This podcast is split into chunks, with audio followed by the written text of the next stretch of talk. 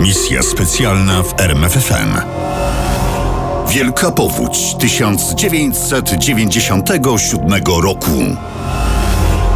W czwartek 3 lipca zaczął padać deszcz.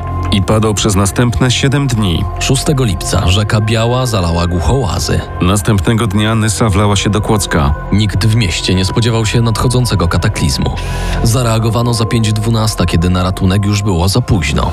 7 lipca sekretarz gminy miejskiej wysłał faks z prośbą o pomoc do Wojewódzkiego Komitetu Przeciwpowodziowego w Wałbrzychu. Zanim doczekał się konkretnej odpowiedzi, Kłodzko było już odcięte od świata. Nad ranem 8 lipca woda osiągnęła już poziom 8,5 metra. Sięgała do pierwszego piętra kamienic. Zalane były osiedle Nysa, przedmieście Piasek i centrum. Przez cały ten czas reporterzy RMFFM byli na miejscach tragedii.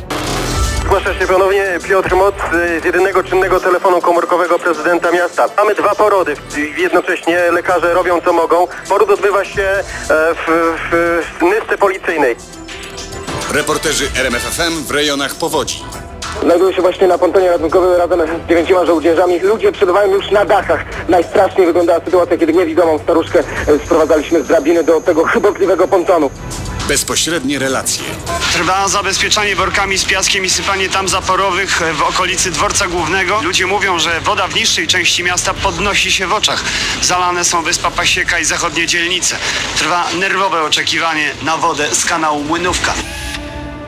Woda zniszczyła około 600 mieszkań w obrębie 37 ulic. Na słynny żelazny most łączący obie części miasta rzeka zniosła ciężarówki i drzewa, Wydawało się, że konstrukcja nie wytrzyma, a most podzieli los poprzedników. ale wytrzymał. Wysoka fala na Nysie minęła Kłodzko i szła dalej, ku Odrze. Tymczasem Odra od 6 lipca dosłownie rosła w oczach. Najpierw wylała na Górnym Śląsku przy przejściu granicznym w Chałupkach, jakieś 25 km na południe od Raciborza. We wtorek 8 lipca woda dotarła do Raciborza. Tego dnia stan alarmowy został przekroczony o 3 metry. W nocy z wtorku na środę rozgrywa się prawdziwy dramat. Kolejna fala powodziowa, prawie 10,5 metrowa, dociera w okolice Raciborza i Miedonii około 23. W kilku miejscach na płoni i ostrogu szalejący żywioł przerywa chroniący miasto wał. Wcześniej doświadczyły tego chałupki. Odra zalewa miasto równocześnie z dwóch stron. Od koryta właściwego i od kanału Ulga. Dowiadujemy się dzięki reportażowi Raciborskiej Telewizji Kablowej. Brakowało pitnej wody, Nie było prądu i gazu. nie działały telefony. Ludzie koczowali na dachach i czekali, aż żywioł minie. Miasto zostało odcięte od świata. Nikt nie mógł z Raciborza wyjechać ani się tu dostać. Na drogach dojazdowych, w miejscach, gdzie policja postawiła blokady, gromadzili się ludzie. Ich twarze wyrażały strach i niepokój. Pewien starszy kapral przyjechał z Krakowa, żeby zabrać z zagrożonego powodzią miasta żonę i dziecko. Nie zdążył. Nikt nie potrafi powiedzieć, co się dzieje na Rybnickiej. Wiem, że woda podchodzi pod pierwsze piętro. Nie mam pojęcia, co się dzieje z rodziną. Zapisał w reportażu dla Dziennika Zachodniego Jerzy Filar. W tym samym reportażu Jerzy Filar podaje przykład górnika, który po nocnej szychcie wracał do domu. Po drodze zatrzymała go policja. Dowiedział się, że Racibórz to teraz wielkie jezioro. Na ewakuację czeka 14 tysięcy ludzi.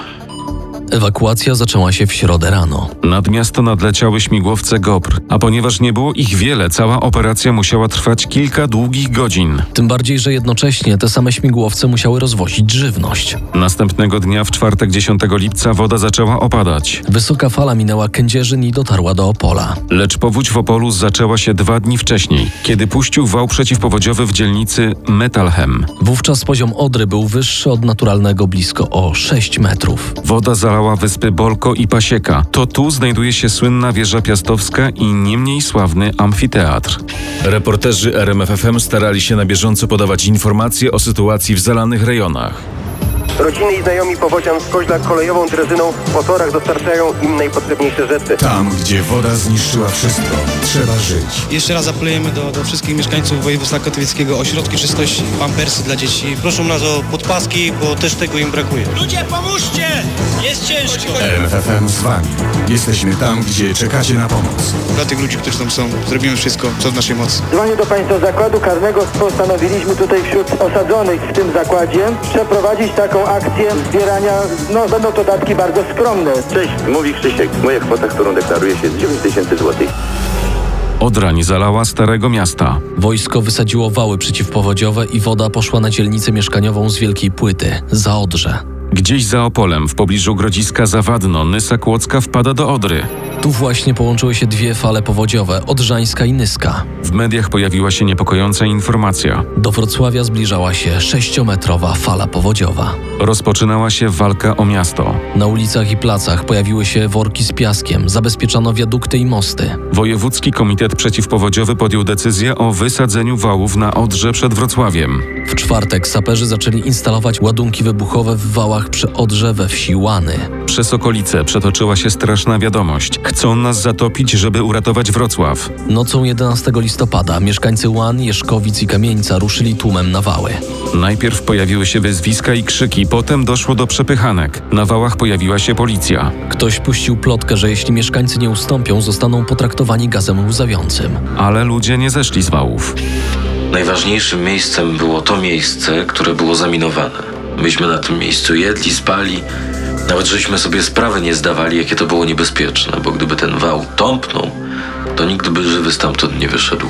Opowiadał anonimowy świadek Kamili Kamińskiej na potrzeby artykułu pod tytułem Mit o powodzi i wydarzenia z 1997 jako utopia konstytuująca tożsamość wsi Łany, Kamieniec Wrocławski i Jeszkowice. Przez cały piątek ciągnęły się rozmowy z protestującymi. Najpierw poinformowano ich, że zaszło nieporozumienie. Saperzy zniknęli z wałów i odjechali. Wydawało się, że protest zakończył się sukcesem i można wracać do domów, ale o szóstej wieczorem przyjechał wojewoda wrocławski w towarzystwie ludzi ze sztabu kryzysowego. Temat wysadzenia wału wrócił na wokandę.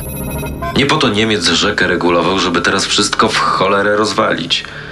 On nie takie powodzi już tu były i nie trzeba było niczego wysadzać. Skarżyli się mieszkańcy dziennikarzowi Gazety Dolnośląskiej. Tymczasem we Wrocławiu zastępca komendanta policji Jan Albrechciński otrzymał polecenie zakończenia protestu siłą. Policja starała się pilnować porządku, mieszkańcy nadal koczowali przy wałach, a wojsko odpuściło. Lecz odpuściło tylko pozornie. Nad ranem następnego dnia, czyli już w sobotę 12 lipca, spuszczono ładunki wybuchowe z helikopterów. Okazało się jednak, że były zbyt słabe. Wał stał nadal. Tego dnia, czyli w sobotę 12 lipca, wysoka fala dotarła do Wrocławia.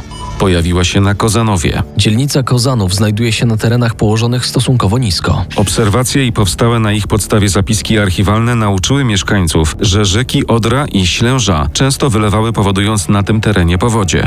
To z tej przyczyny w epoce miasta Breslau Niemcy nie budowali tu domów, a tym bardziej kamienic. W latach 70. zeszłego wieku, w epoce Edwarda Gierka, zignorowano wnioski płynące z niemieckiego okresu historii miasta i postanowiono zbudować tu osiedle mieszkaniowe. Na Kozanowie postawiono dziesięciopiętrowe bloki z wielkiej płyty. W sobotę 12 lipca przypomniała o sobie stara prawda. Woda ze Ślęży i Odry rozlała się między blokami i tu, tak jak poprzednio w Raciborzu i Opolu, sięgała pierwszego piętra. Woda na Kozanów zaczęła się lać około godziny dziewiątej. Zaczęła nadchodzić od Ślęży w kierunku kościoła, a o godzinie 15 po 9 weszła już na obwodnicę i trwało to z minuty na minutę. Szła bardzo szybko i o godzinie w pół do 12 byliśmy zalani już całkowicie na całym osiedlu. Opowiadała mieszkanka Kozanowa reporterowi telewizji TED. W całym mieście, nie tylko na Kozanowie, woda zalała ponad 2,5 tysiąca budynków. W tym Filharmonię, siedzibę Akademii Muzycznej i Teatr Polski. Udało się ochronić zabytkowy Ostrów Tumski i Wyspę Piasek, Ossolineum, Muzeum Narodowe i Dworzec Główny. Niemniej jednak trzeba przyznać, że Odra pokonała Wrocław, a w każdym razie obnażyła błędy w planowaniu przestrzennym. O wiele więcej szczęścia miał Kraków. Powódź tysiąclecia, jakkolwiek kojarzona głównie z Odrą i szerzej ze Śląskiem, nawiedziła również do rzeczy Wisły i Dunajca. Tu jednak straty nie były tak wysokie, a tragedia ludzka, przynajmniej ze statystycznego punktu widzenia, mniejsza. Dlaczego? Miało na to wpływ wiele czynników i kilka inwestycji przeprowadzonych zarówno przed wojną, jak i po niej. Wybudowany w 1938 roku zbiornik w Międzybrodziu zbierał wodę z Soły. Oddany do użytku w 56 Zalew Goczałkowicki łapał wody Wisły. Nie był jednak w stanie przyjąć intensywnych opadów. Dlatego ofiarą powodzi padły m.in. same Goczałkowice. Największy na Śląsku zbiornik wody pitnej w Goczałkowicach praktycznie przestał już pełnić swoją rolę. W ciągu jednej tylko sekundy wypływa z niego 300 ton wody, która zalewa pobliskie okolice. Sytuacja pogarsza się z każdą minutą. Fala wielkiej wody przesuwa się w błyskawicznym tempie. Powódź zagraża tu tysiącom osób. Tragiczna sytuacja jest w wielu miejscowościach, m.in. w Kaniowie, Brzeszczach i w Przeciszynie. Ludzi paraliżuje panika. Lecz najbardziej symboliczne znaczenie ma w tej historii zapora na Dunajcu w Niedzicy. Prace przy jej budowie trwały aż 22 lata. Zaczęły się jeszcze w złotej dekadzie Edwarda Gierka. Otwarcie zaplanowano na 9 lipca 1997 roku. Pochmurna pogoda postanowiła popsuć tę uroczystość. Z powodu złych warunków zrezygnowano z hucznego otwarcia. Kiedy jeszcze poprzedniego dnia wydawało się, że sytuacja powodziowa jest opanowana, spadł intensywny deszcz. Dunajec pokazał swoją olbrzymią moc. Na szczęście dla mieszkańców okolicznych wsi zatrzymała go tama. Zdarzenie samo w sobie niezwykłe. Oto inwestycja poddana zostaje już w pierwszym dniu swojej pracy takiej próbie, jaka może już się nie zdarzyć przez kolejny XXI wiek. Dowiadujemy się z filmu Powódź Stulecia. Gdyby nie zbiornik wodny, który prawda, zatrzymał tą wodę, prawdopodobnie mielibyśmy następną dość dużą powódź. Mówił dla kroniki krakowskiej Jerzy Tokarski z firmy Hydrotest SA. O tym, że niebezpieczeństwo było jak najbardziej realne, świadczy wysoki poziom Dunajca. Na zabytkowym drewnianym kościele w Łopusznej zaznaczono ku przestrodze poziom Dunajca z Wielkiej Powodzi 1934 roku. Poziom wody w 1997 roku był o 7 cm wyższy.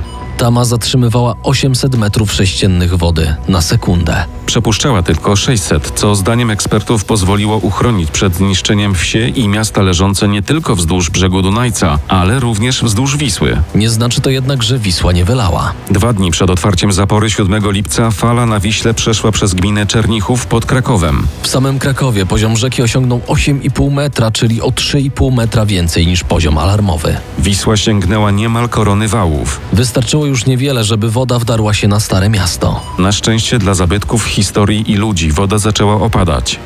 Pod koniec lipca zaczęło się mozolne liczenie strat.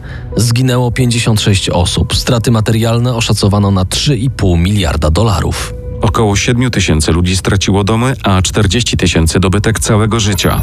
Woda zniszczyła 843 szkoły i 680 tysięcy mieszkań. Na ścianie w nawie bocznej kościoła Franciszkanów w Kłodzku narysowano trzy kreski. Pierwsza na wysokości 183 cm pokazuje poziom wody podczas powodzi z 1938 roku. Druga na wysokości 3 metrów i 29 cm pokazuje dokąd sięgała woda w czerwcu 1783 roku. Trzecia, najwyższa, odnosi się do powodzi tysiąclecia. Zaznaczono ją na wysokości 3 metrów i 44 centymetrów. Misja specjalna w RMFFM. Na tropie największych tajemnic historii.